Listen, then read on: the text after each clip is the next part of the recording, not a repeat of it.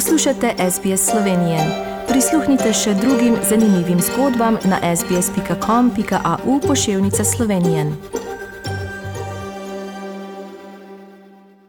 Nadaljujemo za našo slovensko oddajo na radiju SBS širom Avstralije in po svetu. Slovensko-avstralsko društvo Canberra je pred nekaj meseci imel svoj letni občni zbor in imel spremembo v vodstvu društva. Zato smo danes povabili novo predsednico in da nam pove malo več o tem in kaj načrtuje za leto 2022. Najprej jo prvič pozdravljamo v naši slovenski vdaji. Welcome to the Slovenian program. Kristina Urbas, the new president of the Slovenian Australian Association in Canberra. Hello, Tanya. Firstly, congratulations on, on becoming the, uh, the president of, of the Slovenian Australian Association in Canberra. Please tell us a little bit more about yourself because uh, it's the first time you're on our program and there might be a, a few listeners that uh, don't know you. Thank you, Tanya. I'm Christina Urbas and um, I'm now the president of the Slovenian Club here in Canberra. A little bit about myself I was born in Canberra to Slovenian parents. I went to school in Canberra, married in Canberra, had kids in Canberra. So you'd better be say I'm a, a true Canberran, or Canberran as they like to call it. And I'm also married to Gregor, who is also Slovenian. So you grew up uh, with Slovenian parents uh, in the community. Did you? I guess as you were growing up, did you go to the Slovenian uh, Association in Canberra? Oh yes, we did. Yeah, my parents were quite active as were many of the Slovenians here in Canberra at that time.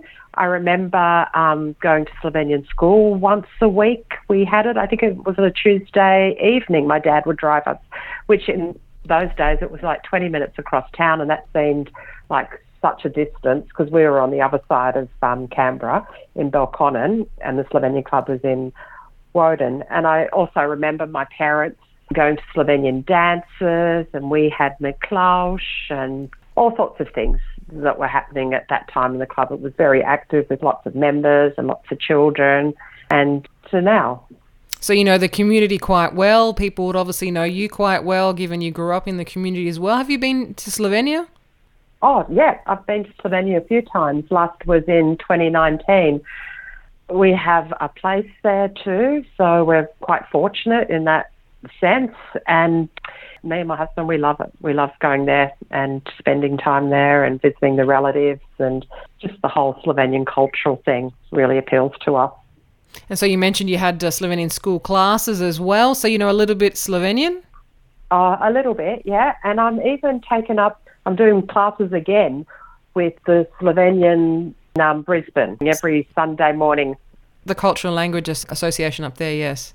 And enjoying it, really um, learning a lot. Good to hear. Uh, as we mentioned earlier, you're the president now, the Slovenian Australian Association in Canberra, and along with yourself, there was a new committee elected uh, at last general meeting. Um, tell us a little bit more about the about the who else is in the committee. Look, we've got a mix of new and past committee members. Um, there's 10 of us on the committee. We're all enthusiastic about re energising the Slovenian club. We've already had a few functions, and we're in the process of renewing the lease, which is a a, a huge step forward for the club here in Canberra. There are obviously a similar generation uh, in the committee as well. Yep, we're all second generation. So yeah, we're uh, some have been on like their like second generation that have been on the committee in like past ten years, but have rejoined. We're very keen.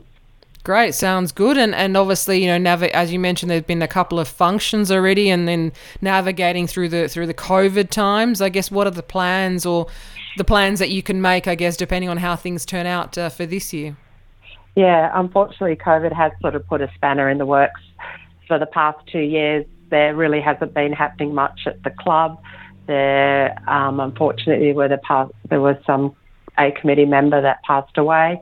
So with COVID there really was nothing except for the odd function here and there. But now, um, hopefully, with COVID hopefully behind us soon, which we all hope that'll happen.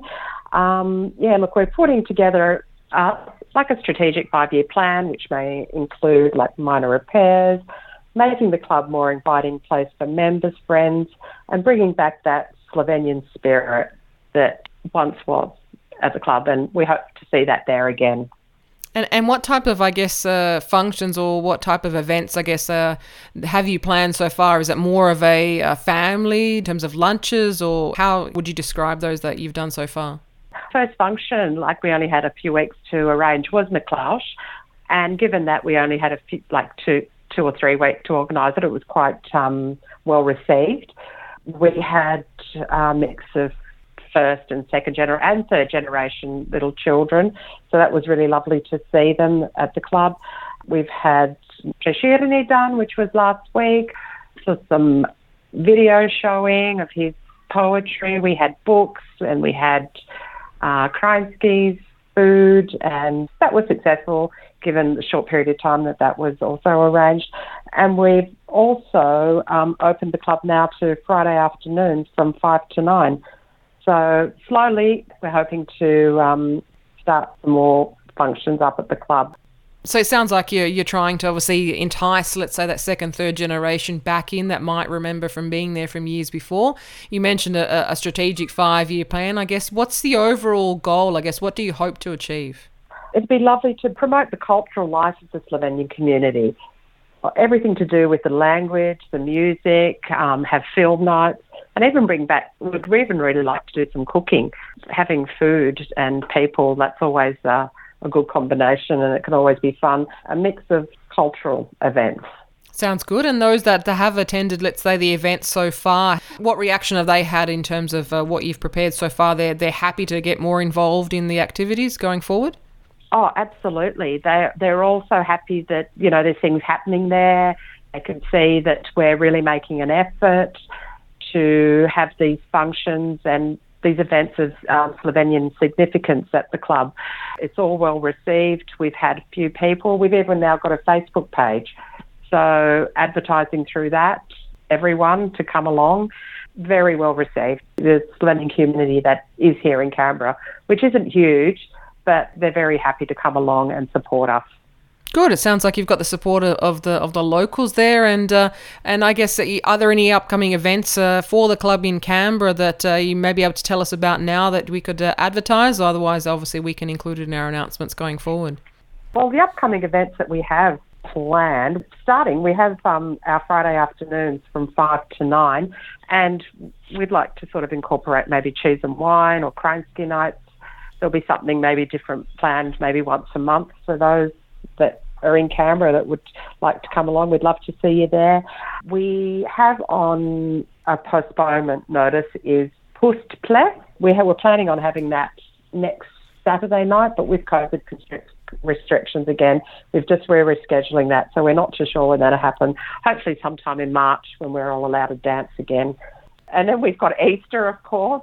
We'll maybe have something there for Easter Monday, and then a Mother's Day dance was planned. Sure. Hopefully, those uh, those restrictions do come off. In uh, we know that obviously in New South Wales, uh, this is now uh, changed for us, so we're allowed to sing and dance. So hopefully, that will be the same in the ACT quite shortly. All the best uh, with with those plans and upcoming events, and uh, that many second and third generations do come along and continue to enjoy the atmosphere there and the hospitality at, at the Slovenian Association Canberra, um, and maybe even a, a visit, let's say, from the Sydney community at some point. Yeah, most welcome. That'd be lovely. Kristina Urbas, predsednica slovenskega avstralskega društva Canberra, hvala za vaš čas danes, tudi da ste nas obvestili o spremembah v vašem klubu in uh, načrte, ki jih imate za letos, in upamo res, da se bo čim več ljudi udeležilo uh, na naslednjem srečanju v društvu. Hvala lepa, Tanja. Lep pozdrav vsem, želim iz Kambere. Želite slišati sorodne zgodbe? Prisluhnite jim preko Apple ali Google podcasta, preko aplikacije Spotify ali kjerkoli drugje.